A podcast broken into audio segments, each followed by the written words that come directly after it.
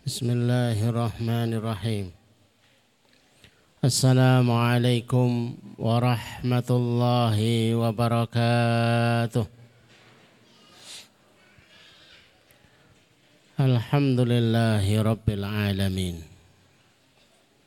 والصلاة والسلام على أشرف الأنبياء والمرسلين. وعلى آله وأصحابه ومن تبعهم بإحسان إلى يوم الدين.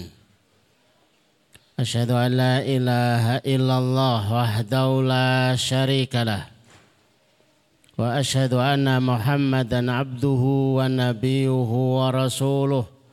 لا نبي ولا رسول بعده. اللهم اسر صدورنا وتزوس عن سيئاتنا Wahab lana fahmal anbiya'i wal mursalin. Wahab lana fahmas salafus salih. Allahumma anfa'na bima 'allamtana wa 'allimna ma yanfa'una wa zidna 'ilman wa na'udzu min ahwali ahli nar. Allahumma la sahla illa ma ja'atahu sahla wa anta taj'alul hazna idza syi'ta sahla. Rabbi israh li sadri wa yassir li amri wahlul uqdatam min lisani yafqahu qawli rabbi zidna ilma. Subhanaka la ilma lana illa ma 'allamtana innaka antal alimul hakim. Rabbana atina min ladunka rahmah Wahai lana min amrina rasada. Amma ba'd. Bapak Ibu jamaah sekalian yang semoga dirahmati Allah, semoga diberkahi oleh Allah Subhanahu wa taala dan semoga dicintai oleh Allah Subhanahu wa taala dan diridhoinya. Alhamdulillah sore hari ini dengan izin Allah semata dimampukan dihadirkan dan dikumpulkan dalam suasana yang mudah-mudahan mendatangkan keridhaan Allah Subhanahu wa taala. Sore hari ini kita belajar tentang Ramadan kita yang sudah 12 hari berlangsung. Khawatirnya justru pada poin-poin terpentingnya kita terlewat. Kayak petani itu bisa nanam, bisa nyiram, bisa mupuk. Tapi satu yang nggak bisa, panen. Kan sayang banget gitu loh. Sudah bersama Ramadan, habis-habisan untuk beramal soleh, hati yang dipenuhi dengan rasa gembira, kemudian misi yang ingin sebenar-benar berpahala, cuma soalan satu, tidak tahu bagaimana cara memanen di bulan Ramadan. Ini kan amat sangat disayangkan sekali. Berapa kali ia akan bertemu dengan Ramadan sekiranya tidak bisa memanen ya hasilnya sama saja seperti rutinitas yang berlaku. Kalau ada orang istilahnya itu kodaran, dapat Ramadanan sehingga ada semangatnya. Dulu ada jamaah itu yang bercerita. Empat tahun mencoba untuk melunasi hutangnya. Tapi tidak tahu caranya. Berarti empat kali bertemu Ramadan. Begitu tahu caranya. Maka setiap jam 12 malam ia keluar dari rumahnya dan ia masuk ke dalam masjid dan ia nawa itu kan bekerja kepada Allah. Harapannya rahmatnya Allah turun. Harapannya doa-doanya bisa lebih mustajab. Sampai sahur. Dan ternyata hutang tujuh ratusan juta itu selesai dalam waktu empat bulan. Beliau sendiri kaget. Orang yang mendengarkan juga kaget. Sedah saat inikah Ramadan itu Jangankan kau 700 juta. Dahulunya Ramadan itu justru dipilih perang Badar. Ramadan itu justru dipilih perang Uhud. Ramadan itu justru dipilih untuk melaksanakan misi-misi besar dengan tuntutan yang besar pula. Tapi justru puncak ketakwaan itulah ada di bulan Ramadan. Maka kalau nantang orang Islam, nantang orang beriman di bulan Ramadan, ini nyelek perkara gitu ya. Karena sedang sakti-saktinya orang beriman itu ya.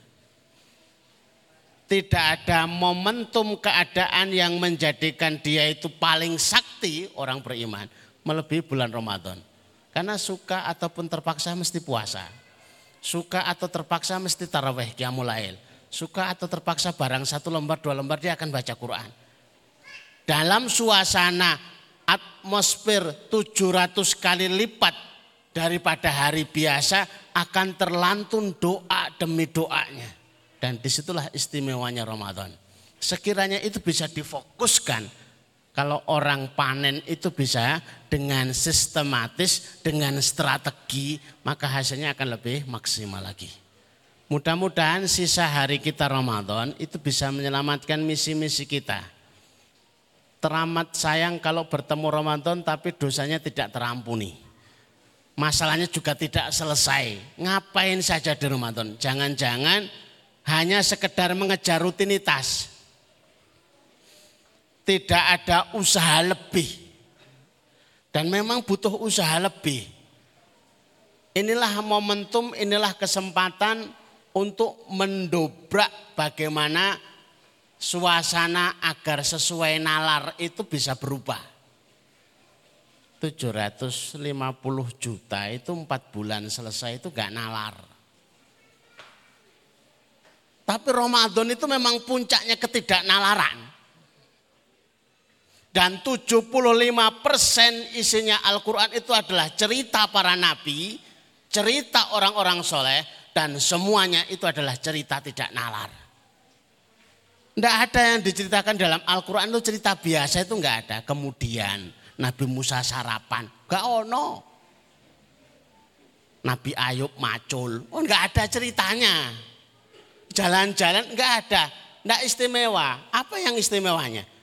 Tapi kalau lautan dibelah itu istimewa keluar dari nalar maka patut untuk menjadi cerita. Kalau ditelan ikan 40 hari dan masih hidup bahkan selamat, ini istimewa keluar dari nalar.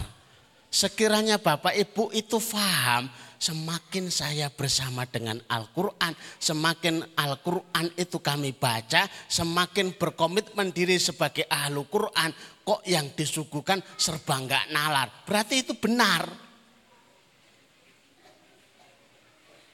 Para tabiin itu berkomentar tentang para sahabat, itu komentar edian para sahabat itu.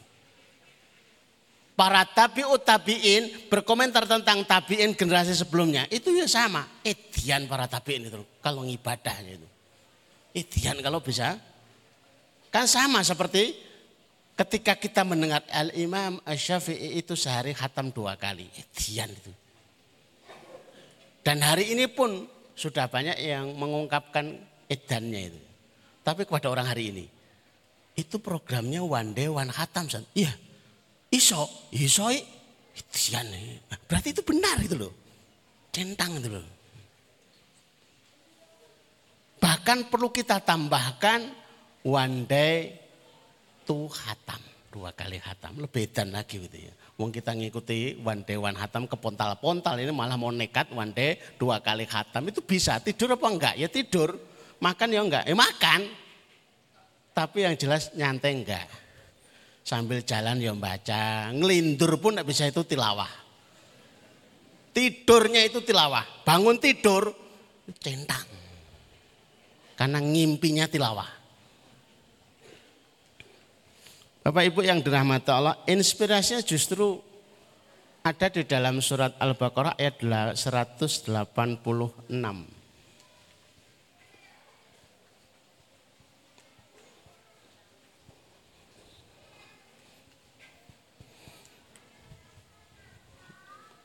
Tapi sebelum itu Ini yang dilihat setiap orang ketika bertemu Ramadan. Ada yang Ramadan datang, ekspresinya itu berarti ngibadahnya lebih. Biasanya enggak tarweh-tarwehan. Biasanya enggak tadarus tadarusan. Biasanya enggak ngasih takjil, ngasih takjil. Zaburan. Ibadahnya lebih. Tapi yang lebih buruk itu adalah mengadakan bahwa Ramadan itu ibarat rutinitas saja. Aduh Ramadan menah Wah bodoh menah. Sehingga ketika tanggal 30 malam 1 Syawal, ekspresinya itu Allah Akbar merdeka. Bebas dari puasa. Iso sarapan. Ekspresi kemenangan apa gitu loh ya. Lewong selesai dari ibadah kok menang. Tapi kita lebih memilih yang pertama, solusi. Sehingga pantas gitu loh ya. Kalau kepontal-pontal tilawahnya, tertantang ibadahnya. Jenengan kok tenanan, latus das punting limang yuto. Dari yang rampung, 5 miliar belum rampung, 500 juta. Mudah-mudahan ini Ramadan itu bisa mengangkat doa-doa kita. Ilaihi yas'adul kalimut tayyibu wal amalu salihu yarfa'uh kepada Allah naik kalimat-kalimat yang baik dan doa itu termasuk kalimat yang baik seluruh amal soleh kita itu yang akan menaikkannya. Harapannya dengan 700 kali lipat amal soleh yang dilipatkan juga dari hari biasanya itu punya kekuatan lebih untuk bisa mendorong doaku doa kita lebih dari biasanya dan kita sudah kumpulkan doa kita. Makanya Ramadan jangan mintanya yang sepele-sepele itu. Ya Allah mudah-mudahan bisa tuku sandal anyar. Ya Allah kelambi anyar. Aduh sepele banget. Gitu. Ya Allah muka-muka Ramadan kok disuguhi. Bisa buka bersama. Ya Allah muka-muka Ramadan bisa buka. Yura ya iso batal puasanya. Idul Fitri itu ada suguhan. Itu sepele banget gitu loh ya. Maka susunlah doa itu yang istimewa. Lunas hutangnya. Dapat pasangannya. Dapat keturunannya. Selesai masalahnya. Bisa dapat rumah. Dan betul-betul mungkin sekitar 3-4 tahun yang lalu saya bicara kepada seorang ustadz. Sebenarnya bukan ustadz biasa, sudah senior. Tapi kadang-kadang butuh dibantu. Yuk kita satukan Jangan sampai kamu pulang Ramadan itu tidak bawa mobil pribadi nyilian ngisi-ngisi Tapi ternyata dievaluasi, ramenya ya pada ini. Hanya soalan mobil yang belum dibeli itu sudah rame. Akhirnya ketemunya Allahumma rezukna sayyaratan mumtazatan. Karena bisa bahasa Arab, ya Allah rezikan kepada kami mobil yang istimewa. Ketemunya Evalia, tepat satu bulan bisa membeli Evalia. Ada yang modelnya transaksi juga Ramadan itu. Nah, coba dicek ayat 186 adalah solusi. Maka kita ngelihatnya mestinya itu seneng gitu ya. Bertemu Ramadan itu seneng. Tadi surat Fatih sudah kami angkat. Yang ayat 186 Wa idza sa'alaka ibadi. Aneh. Karena ayat 183 itu bicara tentang SK Ramadan. 184 fikih Ramadan. 185 Quran di bulan Ramadan. Tiba-tiba 186 seakan-akan itu bicara jauh gitu loh. Sebenarnya bukan nggak nyambung, tapi justru 186 itulah panennya Ramadan. Gagalnya kita memahami ini secara utuh sangat mungkin menjadikan Ramadan kita menjadi rutinitas yang tidak akan membawa hasil yang luar biasa.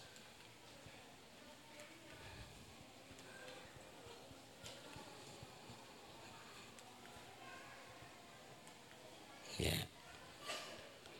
Wa idza sa'alaka ibadi dan apabila hamba-hambaku bertanya. dalam kurung meminta. Ya Allah, sampai kapan kami itu tanpa keturunan?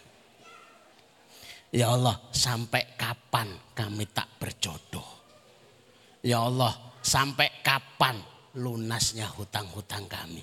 Ya Allah, sampai kapan selesainya masalah-masalah kami?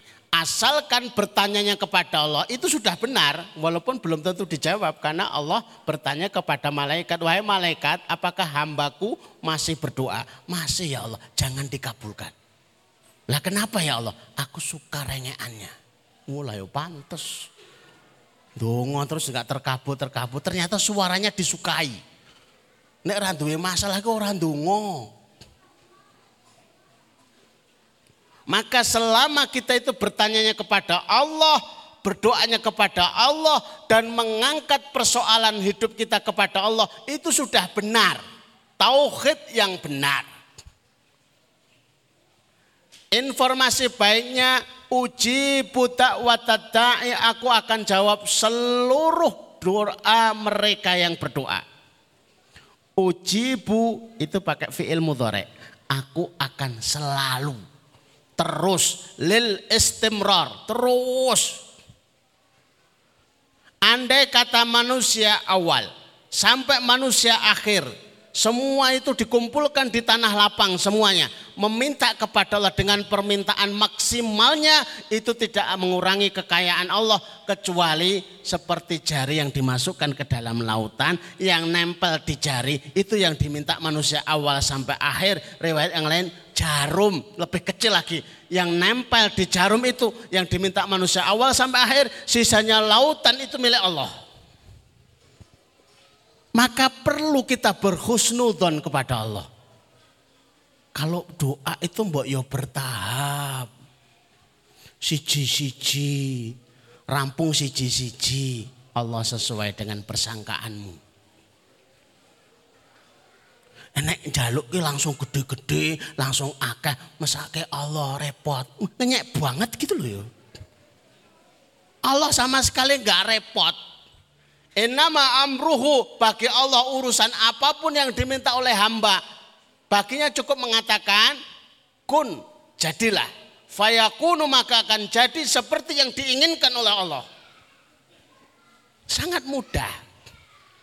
Tapi bagaimana kita bisa memperhatikan, bisa niteni kapan-kapan doa kita itu bisa terjawab. Para salaf itu ditanya, apa cirinya doa itu terjawab? Salah satu mereka menjawab, salah satu ciri doa itu khusyuk dan terjawab itu adalah air mata. Dalam doanya kok netes air mata, itu tanda-tanda akan dijawab. Karena kadang-kadang sulit keluar air mata. Padahal mengeluarkan air mata itu instruksi. Fabku menangislah keluarkan air mata. Kalau itu sampai kamu nggak bisa, fatabaku maka pura-puralah menangis. Oh, apalah kasih remasan apa berambang apa apa gitu loh. Menangis wae kok angel men Ya jam 3. Aku kok ora nangis ya. Ya Allah hutang-hutang kami lunaskan. Ya ora nangis. Ya Allah muka-muka anak-anak semuanya sehat, selesai studinya. Ya ora nangis. Sowen Rama Ramasan. Kok nangis Pak? Panas. Jangan kebangetan loh.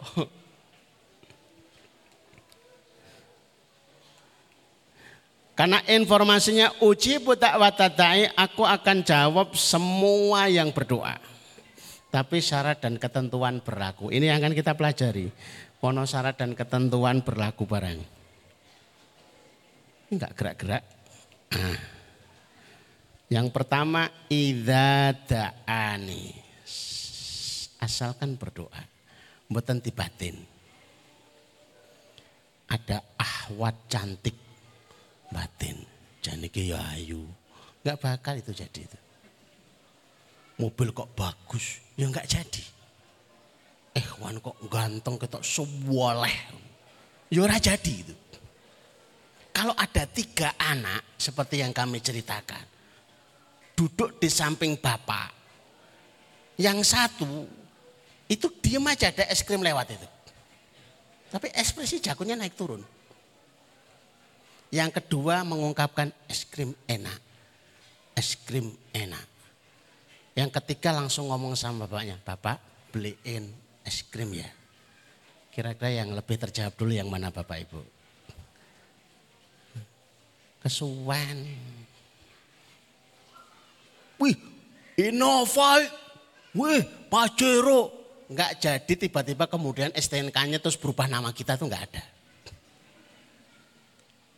Langsung seketika mau pakai perangko selawat dulu. Allahumma salli ala Sayyidina Muhammad wa ala ali Sayyidina Muhammad. Allahumma rizukna ya Allah rezekikan saya Pajero seperti itu. Jangan Pajero itu alamat ngejak padu. Hmm, sudah ada yang punya. Ketemu ibu-ibu cantik. Ya Allah, ini mesti solihah. Pakai jilbab besar. Ya Allah rezekikan saya. Ya Allah pasangan seperti itu. Ternyata sampingnya ada bujuni. Ini ngejak padu gitu. Seperti itu, bukan itu. Itu sudah ada yang punya, selesai. Khatam. Jadi pastikan berdoa. Idza da'ani. Panjenengan duduk di samping warung bakso dua jam tapi nggak pesan bakso itu nggak akan dilayani dua hari dua bulan sampai jenggoten itu nggak dilayani bakso itu kemudian kita ngamuk-ngamuk penjual bakso ini nggak pengertian nggak sensitif masa saya di sini nggak dilayani emang pesen? Ya enggak. Lewat enggak pesen ya sudah. Lah Allah kan maha tahu. Mestinya Allah itu juga ngelihat aku. Wong susah kayak gini itu model itu. Wajahnya itu wajah proposal susah. Harusnya sudah dibaca. Iya itu Allah maha tahu. Allah as-sami al-alim. Tapi Allah suka kalau tangan kita itu tengadah. Allah suka kalau lisan kita berkata. Allah suka kalau air mata kita tumpah. Jadi pastikan berdoa. Lah, hasilnya kok naik turun grafiknya. Lewang panjenengan juga naik turun ora ditulis. Giliran ditulis rame padu ya Allah. Rezekikan kepada kami mobil Avanza. Eh enggak ding, Innova ya Allah kasih do. Ini kurang apik eh eh eh kurang gede. Ini kan berarti gak konsisten. Ya Allah rezekikan kamu ya Allah. Motor yang rodanya dua. Emang ada yang model rodanya tiga. Ada ibu-ibu tuh cerita. Ya Allah bukakan anaknya itu kepalanya. Akhirnya dibuka betul anak kemudian protes. Loh kok kecelakaan? Loh kan ya betul bukakan kepalanya. Maksudnya itu otaknya, maksudnya itu pinter redaksi lagi masalahnya. Maka redaksi disusun. Redaksi dalam Al-Quran, redaksi dalam hadis itu sudah terpilih. Panjenengan mau ngarang kayak apa pun susah, itu sudah terpilih, sudah nggak usah ngarang sebenarnya. Tapi kalau butuh ngarang ya silahkan mengarang, tapi yang bahasa Arab kalau bisa, kalau nggak bisa ya bahasa Indonesia, bahasa Jawa boleh juga. Wong sudah sudah luar biasa. Mau minta ya Allah mungkin kula diparingi sugih. Kula niku mboten bakatan miskin, kula niku mboten bakatan dodolan. Kula niku ah kesuwane kesuwen Ternyata adanya. Ada redaksinya sudah enak. Allahumma akthir mali wa waladi Wabarik li fima a'taitani. Ya Allah, perbanyaklah hartaku, perbanyaklah keturunanku. Ya Allah, berkailah semua yang kau berikan kepadaku. Ya Allah, tambahkan, tambah baik, tambah baik, tambah baik. Ya Allah, panjangkan usiaku dalam ketaatan. Tidak usah mikir obat awet muda. Apalagi awet hidup. Susah mikir kayaknya. Mau sudah ada redaksinya sudah. Yang keduanya kompak. Ini berkait dengan doa keluarga, hajat keluarga, atau sebuah lembaga. Dan biasanya ramenya serta tidak kunjung selesai itu ya karena ini. Nggak kompak. Yang satu minta mobil kecil, lincah, irit. Yang satu minta mobil besar, nampung banyak. Yo kesuwen. Ada kalanya satu pengen bangun asrama, satu pengen bangun masjid. Eh asrama dulu yo, masjid dulu yo. Atau masjid yang asrama, atau asrama yang ada masjidnya. Malah susah. Ya Allah jadikan anak saya seorang pengusaha sukses. Tapi juga seorang ustadz sukses.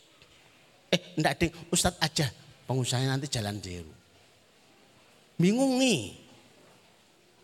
Buat dulu kompak lah, ramai dulu di sebelum berdoa enggak apa-apa. Karena patuh dulu. Biasanya kalau mobil yang diminta, rumah yang diminta, itu patuhnya lebih fasih kalau belum punya uang, Pak.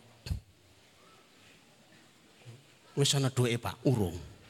Wis disimpenan, Bu, urung. Lah ya patuh terus ke wae. Nah iso telung dina telung bengi. Kenapa? Orang duwe duwe. Tapi kalau sudah punya uang biasanya enggak patuh banyak. Nih, nih, nih tepat begitu. Karena sudah merasa ada yang digambarkan maka pastikan ini kompak. Ada tambahan keluarga, ya dibuat kompak. Ini doa untuk satu keluarga. Mobil dipakai satu keluarga, rumah dipakai keluarga. Bapak, ibu, mertua ikut di dalamnya. Mereka ikut berdoa. Kalau nggak mau ikut berdoa, tidak usah ditempatkan di rumah kita. Nambah-nambah wae ragam tunggu. Terus pasukan doanya itu dikerahkan. Maka harapannya Bapak Ibu itu punya karyawan banyak. Sehingga ketika Bapak Ibu itu berseru mudah-mudahan hajat-hajat kami terkabul. Amin. Itu kompak itu banyak itu loh. Karena karyawannya ternyata 100. Kalau di sini santrinya yang banyak maka kita tambahkan banyak lagi. Kemarin kurang banyak ditambah lagi biar sampai 350 sampai 400. Ya, setahun dua tahun lagi sudah sampai 800 sampai 2 sampai seribuan. Sehingga suaranya menggema sampai mana-mana. Kabulkan hajatnya Ustaz. Amin. Waktu itu kami ditanya, ceritanya itu karena pengen umroh, berarti 2012. Saya cerita di hadapan santri, doakan Ustadz yang mudah-mudahan hajatnya terkabul. Amin. Ustadz hajatnya apa tuh? Saya itu pengen umroh bulan Februari. Alhamdulillah bulan Maret tidak terkabul. Semakin pertanyaan itu tajam. Katanya bulan Februari mau umroh. Ini Maret kok enggak umroh Ustaz? Ini soalan teknis. Nah, teknis itu apa Ustaz? Kurang duwe. Februari, Maret, April. Le, rencananya kapan? Insya Allah April. Doakan lebih kencang lagi, lebih kencang lagi. Alhamdulillah April nggak mangkat juga. Katanya Februari, ya niatnya begitu. Lah kok April nggak berangkat? Teknis. Apa itu teknisnya? Joran ya duit-duit gitu loh. Lah terus gimana? Ya doakan lagi. Lebih kenceng lagi. Saya pun nambah kenceng lagi nambah redaksi. Ya Allah jangan kecewakan mereka yang mendoakanku ya Allah. Masa mereka sudah mendoakan kemudian kecewa. Karena mereka pengen lihat ustadznya itu bisa umroh waktu itu. Baru bulan Mei, wallahi berangkat umroh. Tahu ada yang datang, Ustadz mau umroh enggak? Mesti guyonan. Ya tenanan. Ya berangkat yuk, ayo, ayo untuk kemudian berangkat begitu saja. Begitu sudah berangkat, ya langsung kita tanam jangkar di Mekah Al-Mukarramah. Ya Allah, mudah-mudahan tahun ini bisa datang. Tiap tahun kami datang. Kalau enggak datang ya Allah, takih lah. Akhirnya tiap tahun datang. Tapi kok ya repot ya. Eh, jadi dua kali aja. Ya Allah, kemarin ralat setahun dua kali. Akhirnya setahun dua kali juga. Tapi juga juga akhirnya repot. Akhirnya ya Allah, sebagaimana mudahnya kami sholat berjamaah, mudahkan pula kami untuk datang ke tempat tanah sucimu. Akhirnya kapan pun kami mau itu bisa berangkat. Masya Allah. Kecuali waktu pandemi ini. Nah kalau sudah pasukan doa dikerahkan. Kemudian yang keempat sesering mungkin. Kalau dihitung hanya normal. Ustadz menyebut normal itu habis adzan sekali berdoa. Berarti ada lima kali. Habis sholat sekali, sepuluh kali, tiga ratus kali dalam sebulan. Itu normal. Normal Pak. Kira-kira kalau hutang panjenengan itu sebulan lunas normal apa mboten? Kita enggak normal. Kalau enggak normal ya jangan berdoanya dengan cara normal. Wong enggak normal gitu. Tambahkan dosisnya. Saya itu butuhnya berdoa sehari 12 kali. Bahkan kami pernah sehari itu setiap sujud, terus setiap sujud. Entah itu berapa. Sesering mungkin Sahabat Abdullah bin Umar radhiyallahu anhu itu yang langsung dapat pesan dari Rasulullah agar berdoanya itu lebih sering sekalipun itu adalah kendaraan biar enggak error. Sekalipun itu adalah sandal jepit putus. Ini kan kalau dalam era kita kan bangeti, sandal putus ya sudah tinggal ke toko beli sandal baru. Tapi enggak, mereka berdoa dulu mampukan, rezekikan, kuasakan. Sehingga dia terlatih berhubung dengan Allah Azza wa Jalla. Kemudian ini yang lebih sulit yakin.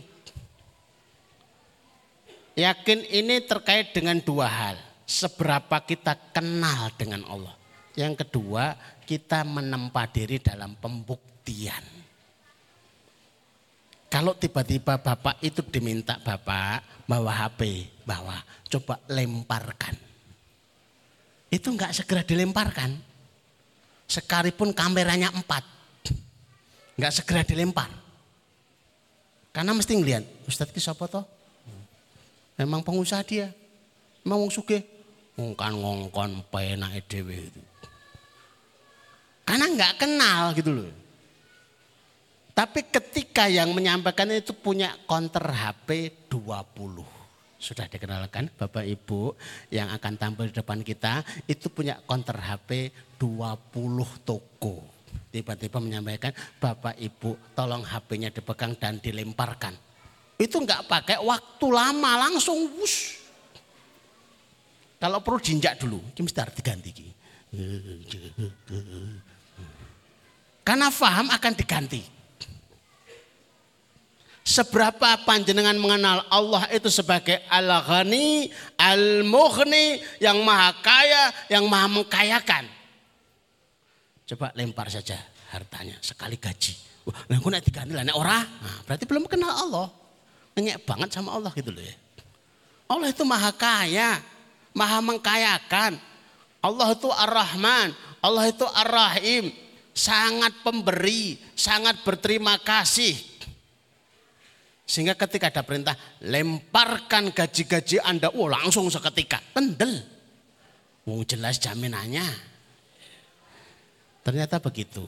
Kalau panjenengan pengen menguji, itu silahkan saja. Diuji itu ya. Kalau tiba-tiba, ya Allah mudah-mudahan tahun ini ngoresikan kepada kami untuk bisa haji ya Allah. Doa itu naik ke angin. Shhh tapi belum sampai ke langit, itu kita tarik lagi.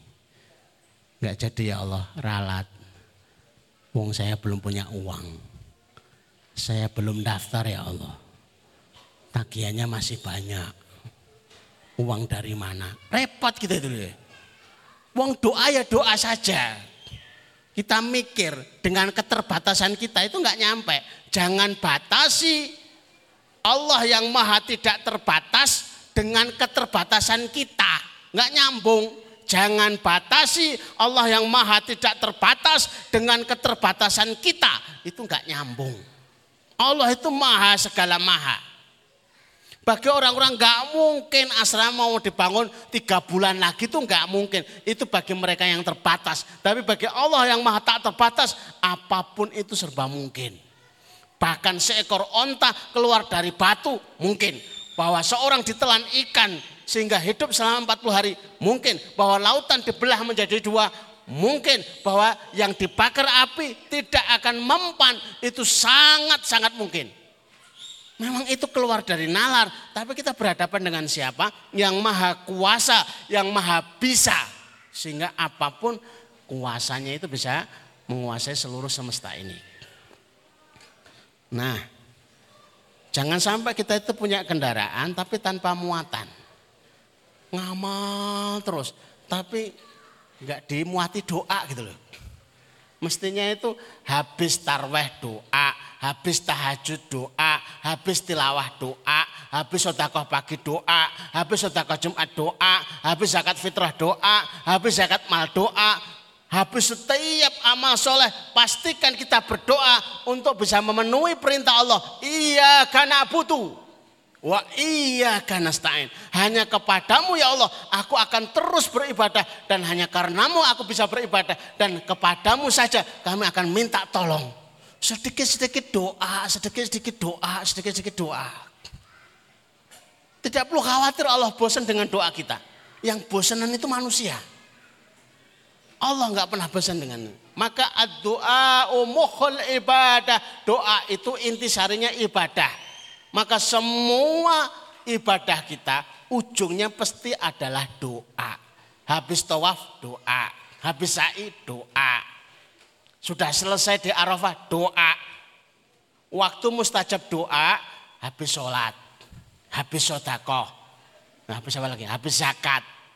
Habis apa lagi? Habis Ramadan. Karena memang intinya di sini, esensinya di sini. Dan kenapa harus kita punya kendaraan itu selalu dimuati dengan banyak muatan? Karena hidup adalah masalah. Hidup itu antara hamdalah dan basmalah. Jadi kalau panjenengan sudah selesai dari masalah, ucapkan Alhamdulillah. Dan tidak berapa lama, ucapkan lagi Bismillah. Mesti enak masalahnya. Kalau mereka yang bercita-cita, saya itu pengen hidup, tapi nggak punya masalah. Tapi innalillah Orang ono. Ya hidup itu masalah demi masalah. Coba jenengan renung itu kemudian pasal itu disambungkan. Semuanya isinya masalah demi masalah. Maka selesai dari Alhamdulillah belum lama setelah itu harus Bismillah. Mesti ono masalah mana? Mesti ono masalah lagi. Harapannya kalau kita siap berhadapan dengan masalah, kita nggak kagetan, nggak ngumunan dengan masalah itu. Karena memang hidup itu ya, ya seperti itu. Temukan esensinya, agar kita tidak pernah menyerah dengan kehidupan ini, bahkan bisa memenangkan kehidupan ini. Dulu pernah kita angkat sebagai tema juara kehidupan. Artinya dia pemenang dalam kehidupan itu. Kehidupan itu punya alur yang mengalir sebagai takdirnya, tapi kita punya cerita untuk bisa menahkodainya.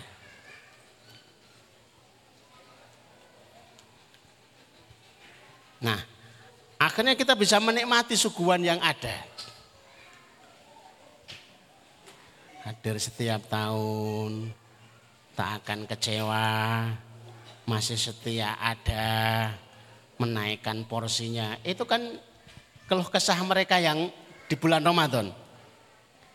Waduh Ramadan meneh, sahur meneh, tarweh meneh, tilawah meneh, hadir tiap tahun dan tidak akan pernah kecewa bahwa kaki saya akan lelah, bahwa saya akan terkantuk-kantuk, bahkan terjungkal-jungkal. Begitu waladhalin amin. Tiba-tiba imamnya membuka surah ini dengan amma yatasa alun. Ki alamat ini. Ya. Ternyata sudah dekat waktu buka. Jadi juara kehidupan, happy ending, teladan takwa itu bagi mereka yang memenangkan kehidupan dengan ibadah-ibadahnya. Dan alhamdulillah selesai, memang waktunya berdoa. Jadi Bapak Ibu yang dirahmati Allah pastikan sisa waktu dari Ramadan kita itu bisa kita bawakan doa-doa terbaik kita, ulangi, bahkan kalau perlu tuliskan. Saya akan mengulangi doa saya seribu kali. Saya akan mengulangi sepuluh ribu kali. Saya akan mengulangi dua ribu kali. Saya akan mengulangi sepuluh ribu kali sekalipun. Wong kerja cuma mendoakan. Saya belum pernah ketemu dengan orang yang berdoa sehari itu lima puluh kali. Terus keringetan gobios itu ya. Pakai handuk itu. Wih ya Allah aku kuwasalin tuh enggak. Berdoa itu enggak bikin capek. Enggak bikin keringetan. Terus saja berdoa. Berdoa, doa terus. Karena doa itu adalah ibadah itu sendiri.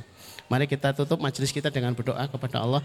Mudah-mudahan Ramadan kita bisa diberkahi oleh Allah dan masalah-masalah kita bisa diselesaikan oleh Allah. Bismillahirrahmanirrahim. Allahumma salli ala Muhammad wa ala ali Muhammad kama sallaita ala Ibrahim wa ala ali Ibrahim innaka Hamidum Majid. Allahumma barik ala Muhammad wa ala ali Muhammad kama barakta ala Ibrahim wa ala ali Ibrahim fil alamin innaka Hamidum Majid. Alhamdulillahirabbil alamin. hamdan syakirin hamdan na'imin hamdan ni'amu yakafi masjidah ya Rabbana lakal hamdu kama yang bagi li jalali wajhika wa azimi sultanik bismillahirrahmanirrahim Alhamdulillahi Rabbil Alamin. Ar-Rahmanir Rahim Maliki Yawmiddin Iyaka na'budu wa iyaka nasta'in. Ihdina siratal mustaqim. Siratal ladzina an'amta alaihim Ghairil maghdubi alaihim Waladhdallin Amin Bismillahirrahmanirrahim. La ilaha illa anta subhanaka inni kuntu minadh dhalimin. La ilaha illa anta subhanaka inni kuntu minadh dhalimin. La ilaha illa anta subhanaka inni kuntu minadh dhalimin. Allahumma ya rahman ya rahim ya hayyu ya qayyum ya dzal jalal wal ikram. Allahumma sahil umurana wa sahil umura walidaina wa sahil umura usratina wa sahil umura ma'hadina wa sahil umura jami'il muslimin wa sahil umura jami'il muslimin. Allahumma inna nas'aluka min khairin ma sa'ala min nabiyyika Muhammad sallallahu alaihi wasallam. Wa na'udzubika min syarri ma min nabiyyika Muhammad sallallahu alaihi wasallam.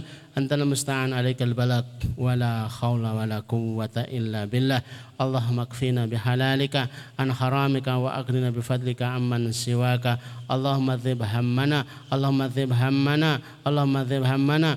Allahumma inna nas'aluka amalan baran wa rizqan daran wa aishan wa qaran. Rabbana atina min ladunka rahmah wa lana wa amrina rasada Rabbana hab lana min azwajina wa dhurriyyatina qurrata a'yun waj'alna muttaqina imama. Rabbana atina fid dunya hasanah wa fil akhirati hasanah wa qina adzabannar wa qina adzabannar wa qina adzabannar wa sallallahu ala Muhammadin wa ala alihi wa sahbihi wa sallim subhana rabbika rabbil izzati amma yasifun wa salamun alal mursalin walhamdulillahi rabbil alamin.